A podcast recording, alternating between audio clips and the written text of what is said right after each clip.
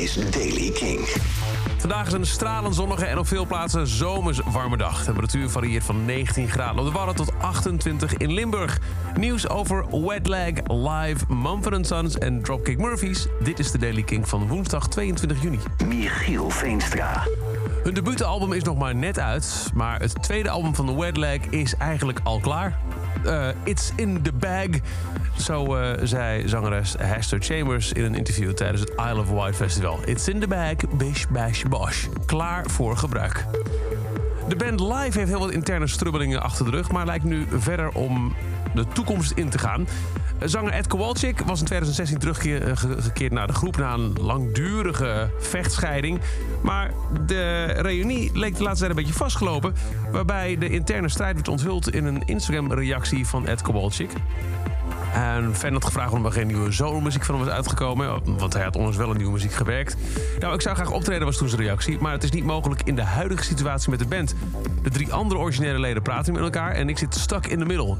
Als ik solo wil gaan, dan is er een kans dat ze me opnieuw zullen aanklagen. Dus ik kan eventjes helemaal niks doen. Hopelijk veranderen de tijden. Tot die tijd moet ik rustig blijven. Dat was vorige week. Gisteren postte Kowalczyk.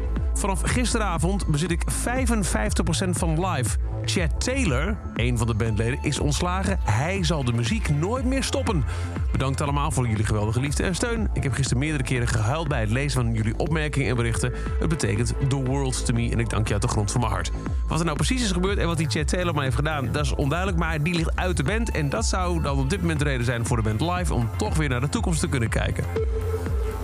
Strubbelingen ook wellicht bij Mumford Sons. Frontman Marcus Mumford zou van plan zijn om een solo-carrière te beginnen. Of het iets is naast de band of in plaats van de band, dat is nog niet bekend.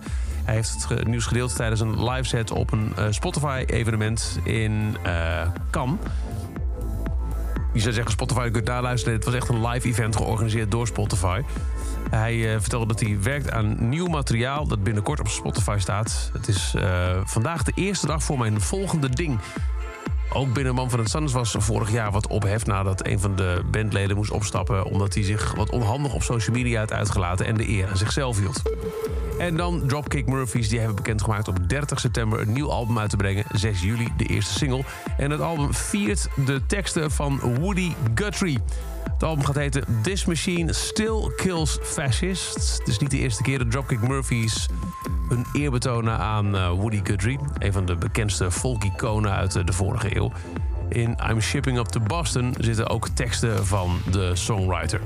Dit keer heeft de band met de hulp van Nora, de dochter van Woody Guthrie, een heel album aan nummers opgenomen met zijn teksten. En dat is over deze editie van de Daily Kink. Wil je nou elke dag op de hoogte zijn? Dat is heel simpel. Zoek in je favoriete podcast-app de Daily Kink op, abonneer je en voilà. Of luister gewoon elke dag eventjes via de Kink-app.